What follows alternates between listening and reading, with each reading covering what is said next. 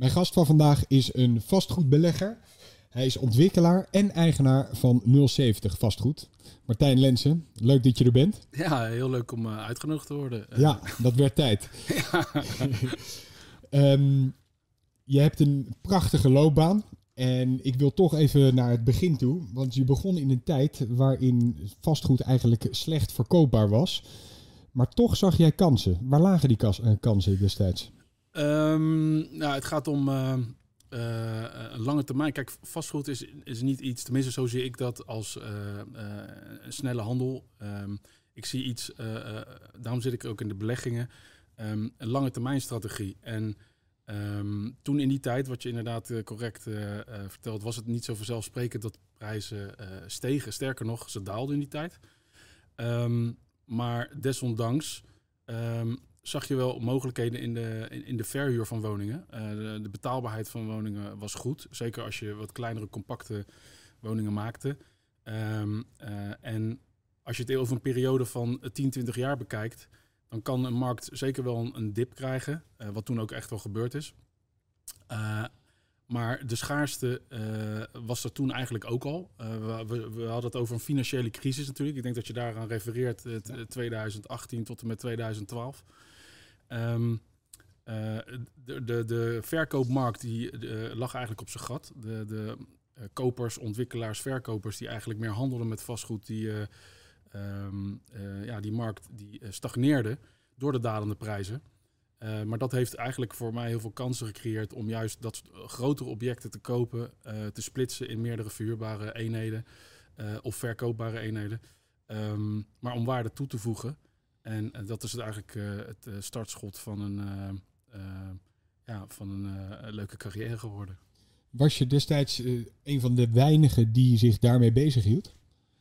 Um, nou, de, het grotere panden kopen, splitsen en verhuren was toen wel veel minder.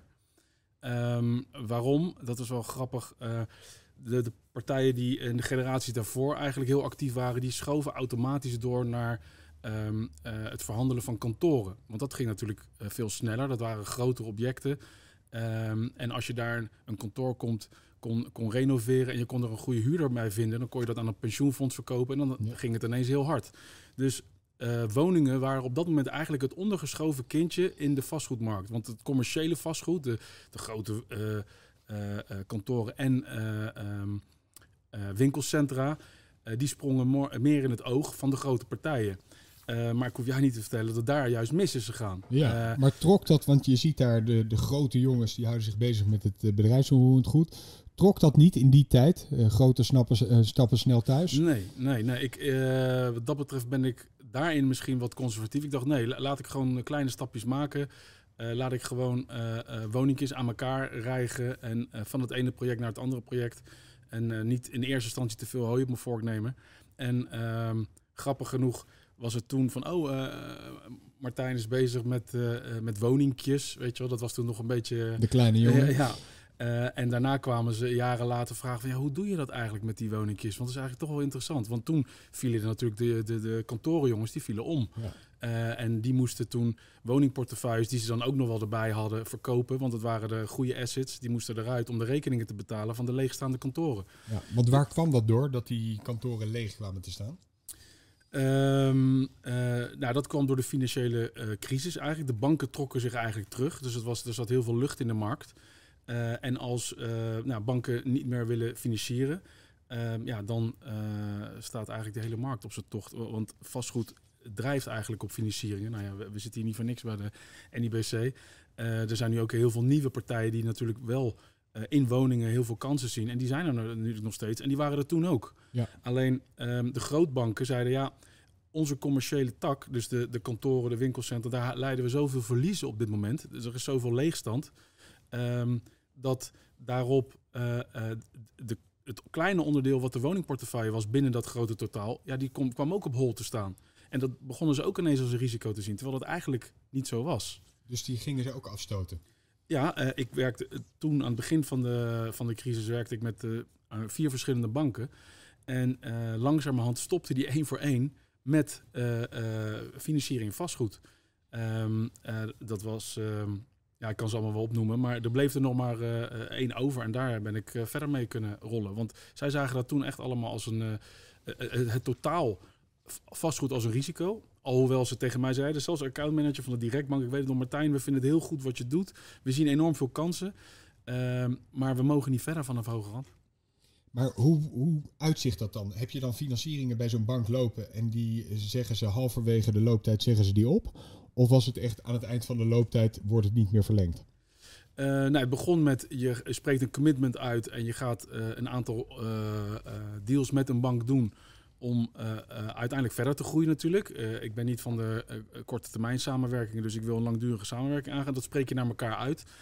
Maar dan twee jaar later zeggen ze, ja, we hebben nu die eerste twee, drie zaken gedaan, maar ja, we kunnen eigenlijk niet meer verder. Sorry. Ja. Dus dan hebben ze je eerst binnengehaald. Nou, dat was bank 1. Bank 2 was, ehm, die zei inderdaad op een goed moment, dat, die kan ik wel noemen, dat was de SNS. Nou, we weten allemaal hoe het daarmee is afgelopen. Maar die zat heel hoog in de boom met hun financieringen in, in, in, in die jaren. Ondanks dat de andere banken eh, al begonnen af te bouwen, gaven zij nog een beetje gas in 2008, 2009. Ehm, en die zeiden toen in 2010, ja, we willen eigenlijk van onze hele woningportefeuille af. En we hebben het liefst dat je eh, ja, morgen oversluit. Eh, Oh. En dat moet dan toch maar wel weer lukken. Ja. Dus gelukkig ehm, ehm, had ik op dat moment genoeg afgelost in de jaren dat ik, dat, dat ik makkelijk over kon naar een andere bank. Maar er zijn zat partijen geweest die zich eigenlijk tot in de nek toe eh, in de financieringen bij die bank hebben eh, gesloten. En die niet meer weg konden. Ja, dan heb je een probleem. Aan wat voor financiering moet ik dan denken? Aan wat voor percentages, je LTV? Ehm, zij zaten toen op eh, eh, 11 keer de jaarhuur, waar de markthuur misschien 11, 12 keer was. En zelfs ook vaak 10. Dus die zaten echt zeer boven, Ja. boven het gemiddelde eigenlijk. Alleen om marktaandeel te veroveren. Ja, dan... ehm, Dan kan het fout gaan. Dat is het risico. ja, Ja, dan kan ja, het ja. fout gaan. Ja, zeker. Je bent een van de gevestigde namen in de Haagse vastgoedwereld, eh, kan ik wel zeggen. Waar komt die drive vandaan? Ehm, ja, ik heb vroeger altijd willen ondernemen. Eh, ik wist eh, nog niet wat, maar ik wist wel altijd dat ik mijn eigen zaak wilde hebben. Ik wilde ja, iets bouwen. Ik ben eh, in het, eh, ik noem altijd het, voorbeeld dat ik in het voetbalveld eh, was ik een hele gedreven speler. Nooit de meest getalenteerde. Maar wel op, op mentaliteit kon ik uiteindelijk de getalenteerde spelers overtroeven. Dat heeft me er- ergens gebracht. Ik speelde op hoog niveau. Ehm, eh, toen is mijn enkel kapot gegaan. Dan heb ik nooit meer kunnen voetballen vanaf mijn 21ste eigenlijk. En ehm, heb ik daarna mijn energie in mijn carrière ge- gestoken. En het heeft me wel een bepaald vertrouwen gegeven dat als je ergens je tanden inzet en je gaat ervoor ehm, en je focust je daarop, dan eh, ontstaan er kansen. Ja. En, En ehm, hoe kwam je dan in aanraking met vastgoed? Ehm, dat is via mijn broer geweest. Mijn broer eh, eh, was als eerste degene die een pand ging kopen voor de verhuur. En die, dat was in die tijd eigenlijk ja, heel makkelijk te vuren, zoals het eigenlijk nu nog steeds is. Er is meer vraag dan aanbod. Ehm, en die eh, heeft mij geenthousiasmeerd om dat ook een keer te doen. Ehm, en eh, toen dacht ik nog, nou, toen had ik nog gewoon eh, een baan. Ik had eh, commerciële economie gestudeerd. Ehm, ik wilde heel graag ondernemen, maar ik wist nog niet zo goed wat. En toen dacht ik, nou, als ik straks een, een paar woningjes heb voor mijn pensioen, dan is dat wel prima. Ehm, maar toen het eigenlijk heel makkelijk afging, en, en financieringen in die tijd, want dat was nog wel even net voor de financiële crisis, was inderdaad vrij makkelijk. Eh, je kon onder een paraplu van je eigen woning met overwaarde, kon je je eerste panden schuiven. Dus je kon een beetje je overwaarde van een eigen woning gebruiken, hoe dat, waar dat nu eigenlijk ook weer min of meer kan. Ehm, ja, heeft dat ertoe geleid dat ik dacht van nou, hier zijn eigenlijk veel meer kansen in te, eh, in te behalen. En ik, toen ben ik bij BV gestart, 070 vastgoed, en eh, gas gaan geven om grotere projecten binnen te halen. Ja, ze zeggen vaak dat je in het begin van je onderneming wat meer risico moet lopen. Heb je dat ook gedaan? Heb je een hoop risico gelopen? Zeker, zeker. Eh, ik heb op een goed moment ehm, ja, de, de, de redelijk kleine portefeuille die ik had overgesloten naar een andere bank. eh, volledig eigenlijk eh, misschien een beetje overgefinancierd op dat moment. Maar al die middelen gebruikt om in mijn groei te, te, te, ja, te steken. En dat heeft uiteindelijk tot een sneeuwbal geleid toen de financiële crisis insloeg. En markt, eh, ja, partijen terughoudend werden ja, heb ik toegeslagen door eh, eigenlijk eh, heel actief op de markt te opereren en eh, veel appartementen te realiseren. Ja. En die risico's, toen een hoop risico gelopen. Bouw je dat nu steeds meer af of doe je nog steeds van die risicovolle projecten? Ehm, nou ja, ik zou mezelf nu in deze fase van carrière niet meer zo in de schulden steken als, als ik toen heb gedaan. Ehm, ehm, maar projecten aan zich risico nemen. Ja, elk project is een risico. Ja. elk project ga je in met, nou, ik, ik, ik voorzie dat er een bepaalde dingen kunnen gebeuren. maar dat wil niet zeggen dat het een zekerheid is. dus ja, risico altijd. Maar het enige voordeel is dat je wat verder in je carrière bent, is dat je risico's ook kan inschatten. Uh, dat is het enige ook het voordeel van ouder worden, is dat je dingen ziet aankomen. Je, je, kan drijven op de ervaring die je hebt en denk van nou, dit kunnen we zo oplossen, dit kunnen we zo oplossen. Je raakt niet meer zo snel in paniek en dat is wel fijn. Door de jaren heen zijn er steeds meer spelers bijgekomen. Uh, waar je vroeger bijna alleen opereerde, is het nu wat drukker geworden. Ehm, en er worden ook gekke beslissingen genomen af en toe. Wat vind jij een veilige manier van, beleg van beleggen?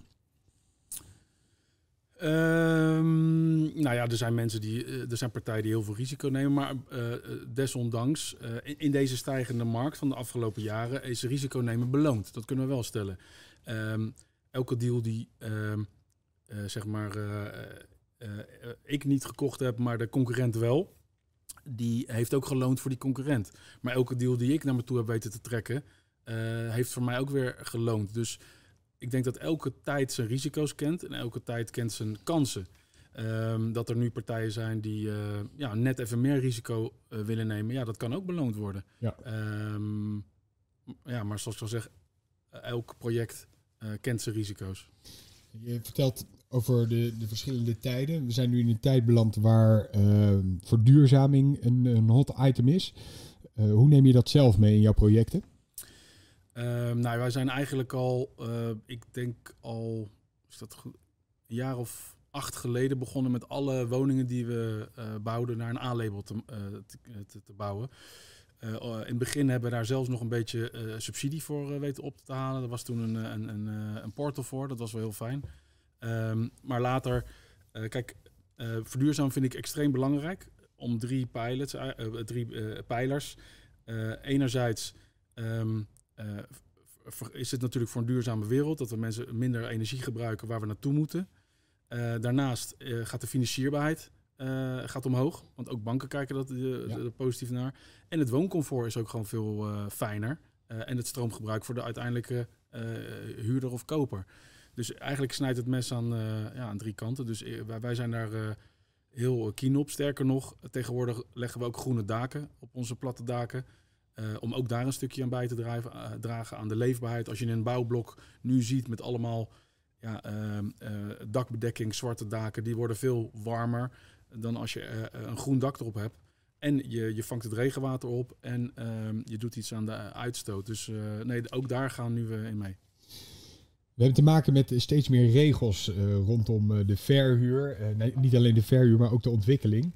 Um, en daar kan je denk ik over meepraten. Laten we beginnen met uh, het splitsingsverbod. Ja, nou, je ziet me al lachen bij ja, het van regels. Ja, dat, is wel, dat zijn de moeilijkheden van deze tijd, denk ik. Um, ja, zo'n tien jaar geleden was het nog heel anders hoe je met een gemeente en, en, en hoe je met buren omging als je liet zien dat je mooie dingen maakte. Um, nu is er, wordt er kritischer gekeken eigenlijk. Uh, dat hoeft per definitie niet, niet verkeerd te zijn, maar er is wel een bepaalde angst ontstaan of een bepaalde afkeer tegen uh, ontwikkelaars die woningen bouwen. Um, wij zien de gemeente nog steeds als een partner. Want uiteindelijk elk project die wij realiseren, hebben we vergunningen voor nodig en werken we samen met de gemeente. Alleen in, sommige gevallen slaan ze een beetje door, denk ik.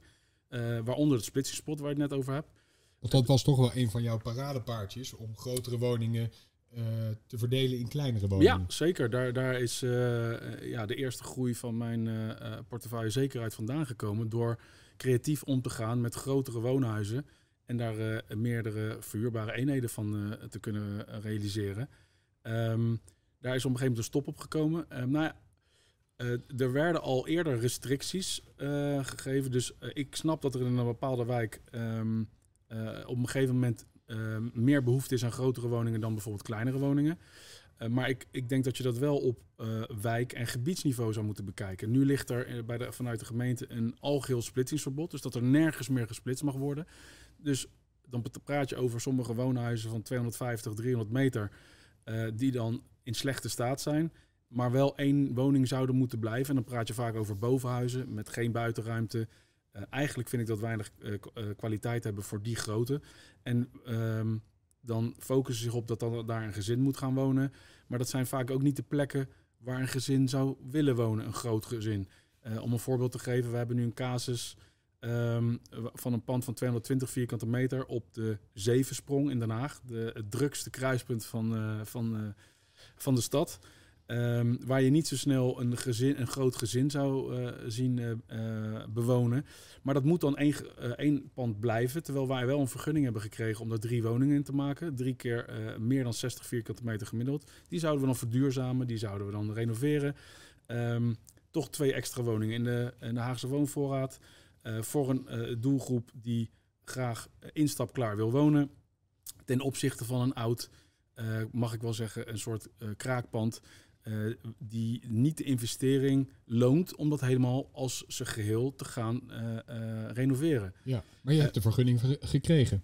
Ja, dat is een heel duaal, ja, een, een, een, duaal concept. Dus je krijgt wel de vergunning om het te mogen bouwen. Maar daarna krijg je geen vergunning om het in gebruik te nemen. Want daar hebben ze de huisvestingsverordening voor toegepast. Um, ja, dat, dat wringt.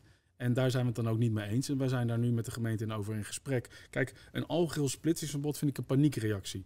Dan zeg je, um, wij weten niet meer zo goed hoe we hiermee aan, uh, uh, wat we hiermee aan moeten, dus wij leggen het helemaal plat. Maar je zou met uh, restricties of speciale voorwaarden zou je prima nog moeten kunnen splitsen. Dat was in het verleden was dat al zo. In de wijk Zegbroek zeiden ze nou, je mag splitsen als de kleinste woning 60 meter wordt. En um, uh, per etage. Uh, en als er maar genoeg kwaliteit aan de woning wordt toegevoegd. Nou, dat zijn prima regels om mee, uh, mee om te gaan.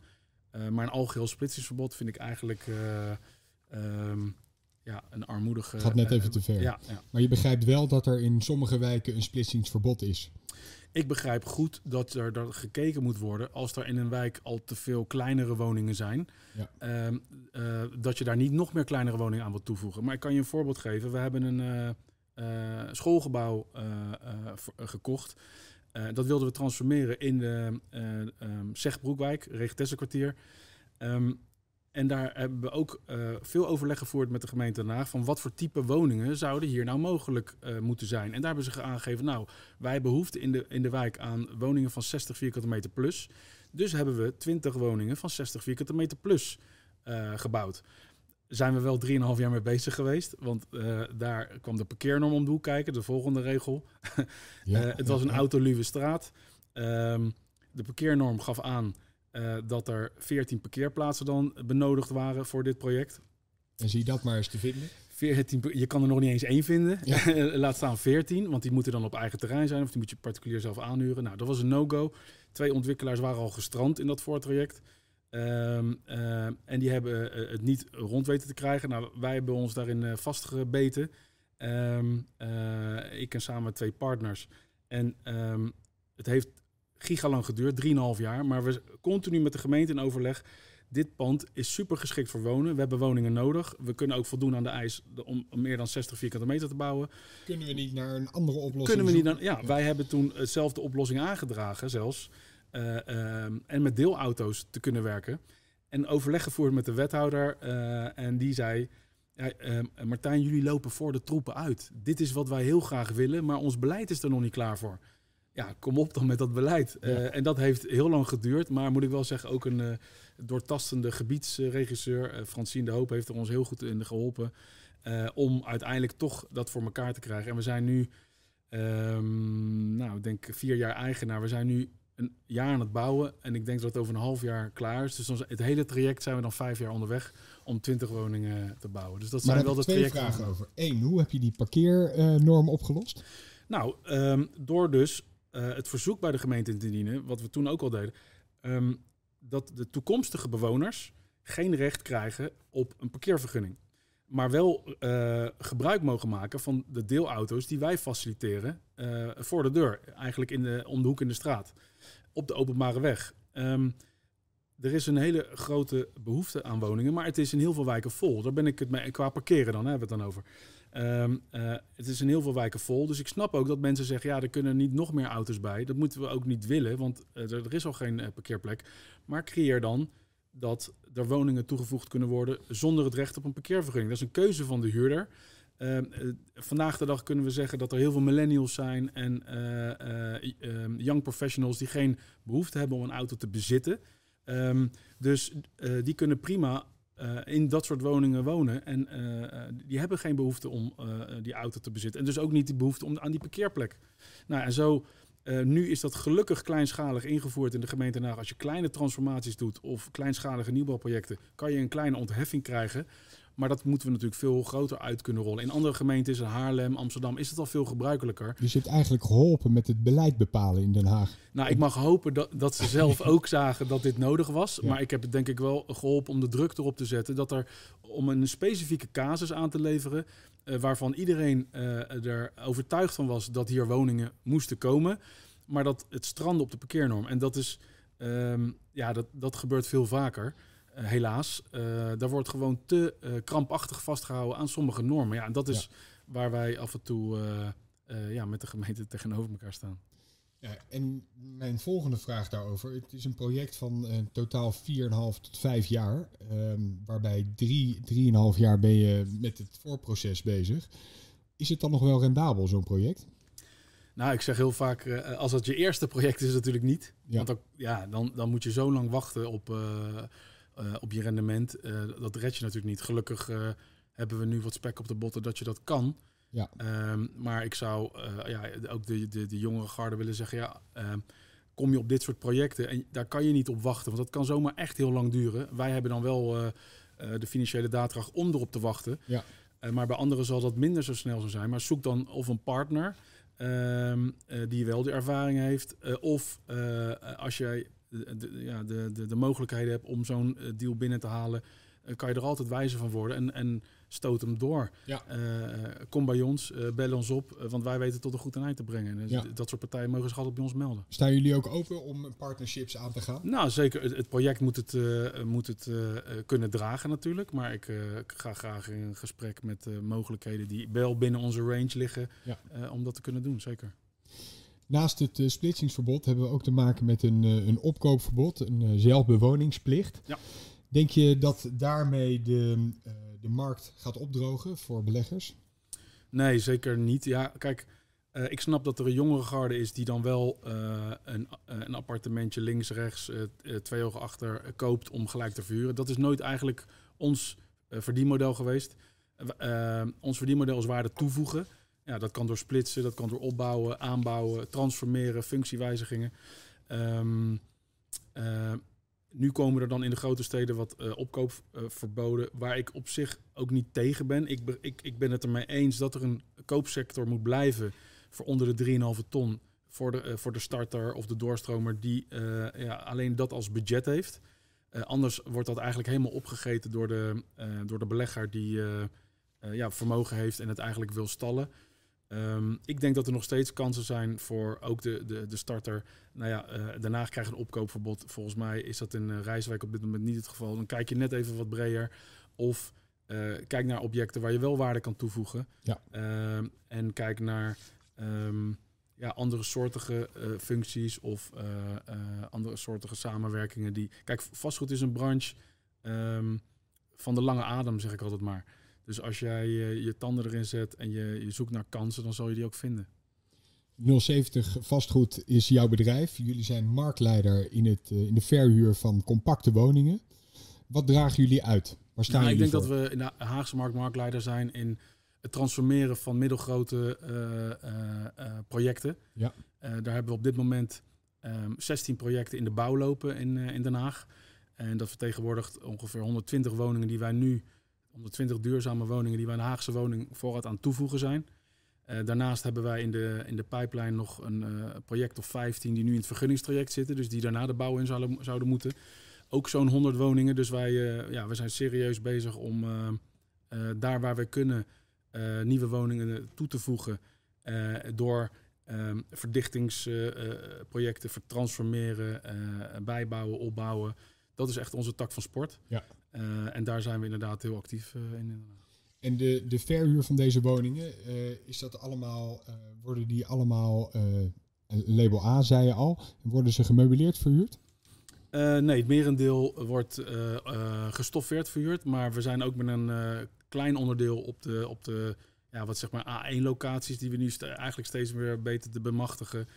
om daar wel gemeubileerde verhuur te doen. Want wat je ziet ook, er is een trend um, van de mensen die nog wat minder flexibel met wonen omgaan. Dat, die trend was al ingezet als je naar ja, het internationale karakter kijkt. Ehm, maar dat zie je nu ook nationaal. Dat uh, een nationale kenniswerker, bijvoorbeeld uit Eindhoven, die komt een jaar in Den Haag werken. Het volgende jaar uh, uh, woont hij weer in Rotterdam en daarna misschien wel weer in Amsterdam. Die heeft minder behoefte om te kopen. Ja. Dus die wil kant-en-klaar huren. Ehm, in eerste instantie zeg ik altijd, ja, voor onze appartement had je een bed, een bank en een televisie nodig om te kunnen wonen. Um, nu gaan we nog een stapje verder. in de, op de A1-locaties doen we die volledig meubileren en helemaal wauw maken. Zodat mensen alleen nog maar die koffer nodig hebben. En wat je dus nu wel ziet, is dat ook uh, um, ja, de internationale kenniswerker, de experts zoals we die kennen, maar ook de nationale kenniswerker, die komt voor een project voor, uh, voor zes maanden invliegen en die wil gewoon ontzorgd worden. Als jij morgen in Barcelona een job kan doen voor zes maanden, dan ga je daarna ook niet meubeltjes shoppen of whatever. Dus dan wil je gewoon ontzorgd worden en je wil gewoon leven, leven in, midden in de stad en dat kan dan. Turnkey eigenlijk, hè? Turnkey, ja. ja. Je hebt uh, behoorlijk wat ervaring opgebouwd in die uh, 15 tot 17 eh, jaar dat je bezig bent. Um, wat is je grootste leerschool geweest? Jeetje. Uh, nou, ja, wat ik je eerder al zei, uh, het doorzetten is wel ehm, mijn motto eigenlijk geweest. Dus waar een deal eigenlijk lijkt niet goed te komen, dan eigenlijk je erin vastbijten en niet opgeven. Dat zijn soms jarenlange trajecten. Uh, mijn leerschool. Nou, om een voorbeeld te geven, een leuke anekdote. In 2010 kon ik een, uh, nog gewoon op Funda toen, de tijd een gemeentelijk monument kopen. En um, ik wist nog niet zo goed wat voor voeten dat in de aarde had. Maar ik had al snel de hoogste bidding gedaan. nou, met de makelaar aan tafel. Maar ik wilde wel één gesprekje met de monumentenzorg. En nou, daar werd mijn hele plan eigenlijk in duigen gegooid. Want wat er allemaal niet mocht, nou, dat, dat wist ik toen nog niet, maar dat, de, gaandeweg leer je dat. Dus het plan moest eigenlijk helemaal anders. Mijn, mijn plan wat ik voor ogen had, dat viel in het water. Waarop ik eigenlijk tegen die makelaar zei, nou ja, ik moet me terugtrekken, dit gaat hem niet meer worden. Toen zei hij, ja, maar wat zou je dan ervoor willen bieden? Um, nou, daar kwam een veel lager bedrag uit. Maar ik was al door de screening heen bij de gemeente. Ik was als eh, eh, eh, goed betiteld. En um, daarop heb ik het pand toch voor een lager bedrag gegund gekregen.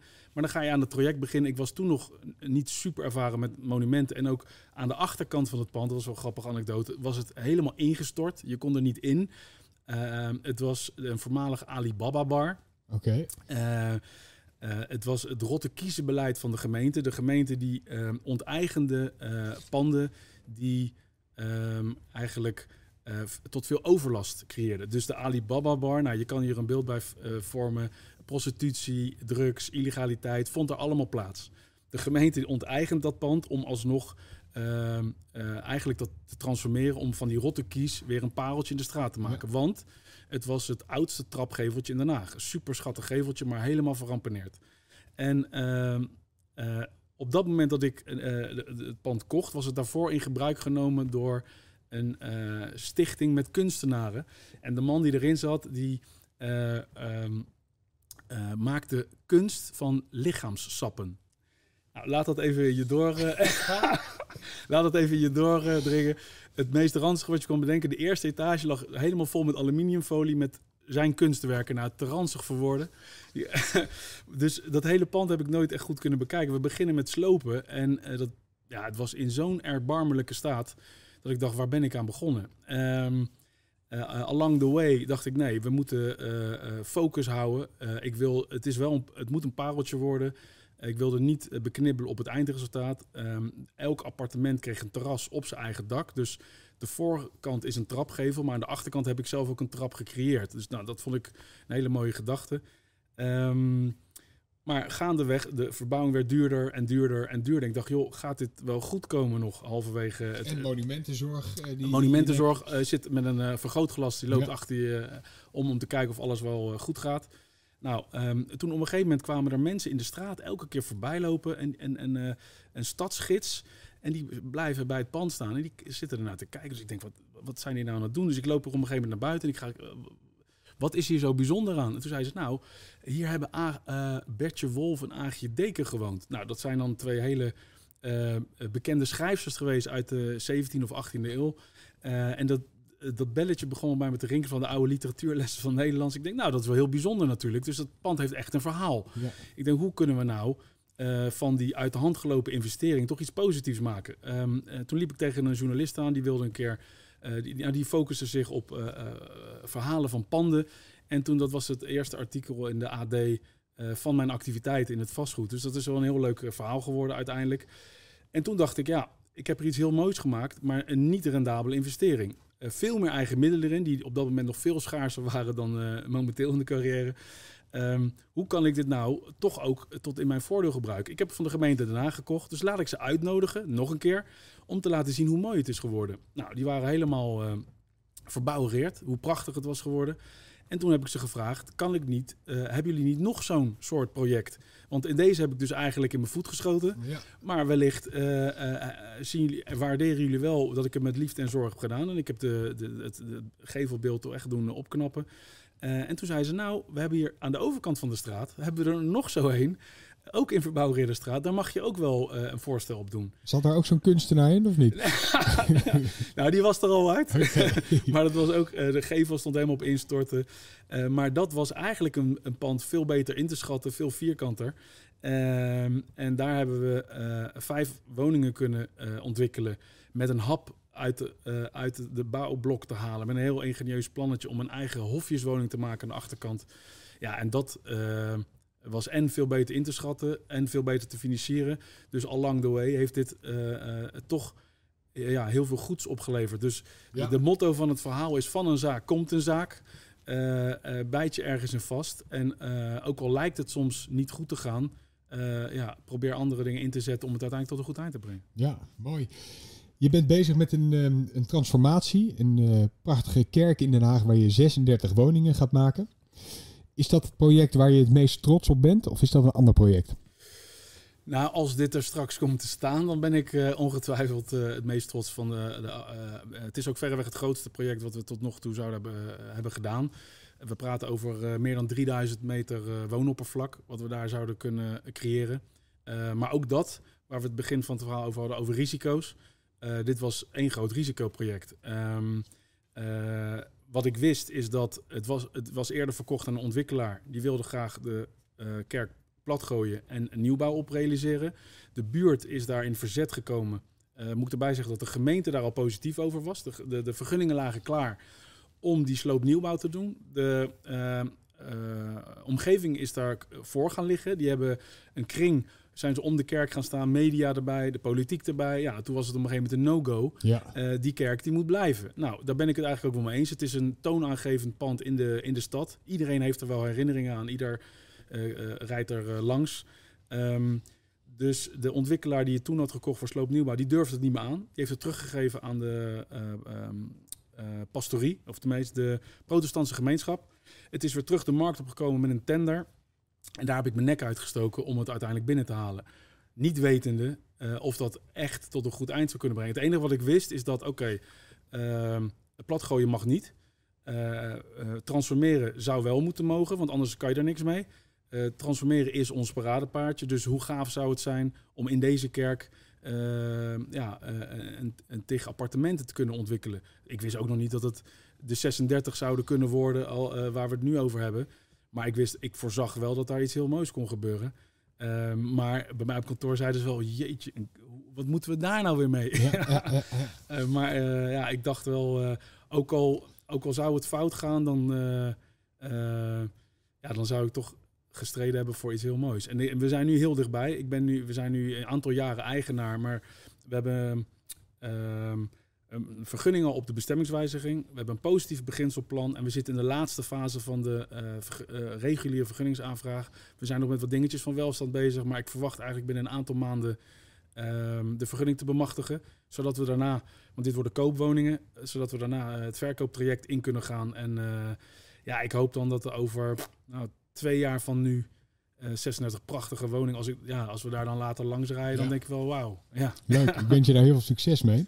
Als je dan op een gegeven moment uh, heb je je portefeuille helemaal op orde, je hebt een prachtige projecten lopen, dan wil je meer. Dan wil je eigenlijk een voetbalclub bezitten. ik wil toch even terug naar ADO. Je bent een tijd bezig geweest. Oh, je bent eh, vanzelf van huis uit een goede voetballer geweest. Um, je, je hebt geprobeerd om eigenaar te worden van ALO.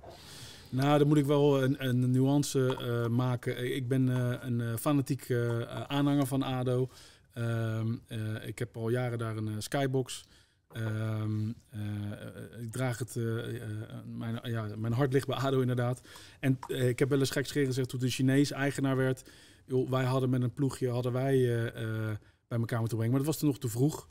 Um, maar een aantal Haagse jongens bij elkaar had best moeten kunnen om die club over te nemen. Nou, dat moment was ineens, uh, nou, we praten een jaar geleden, was het zover dat er bijna een faillissement uh, aan zat te komen.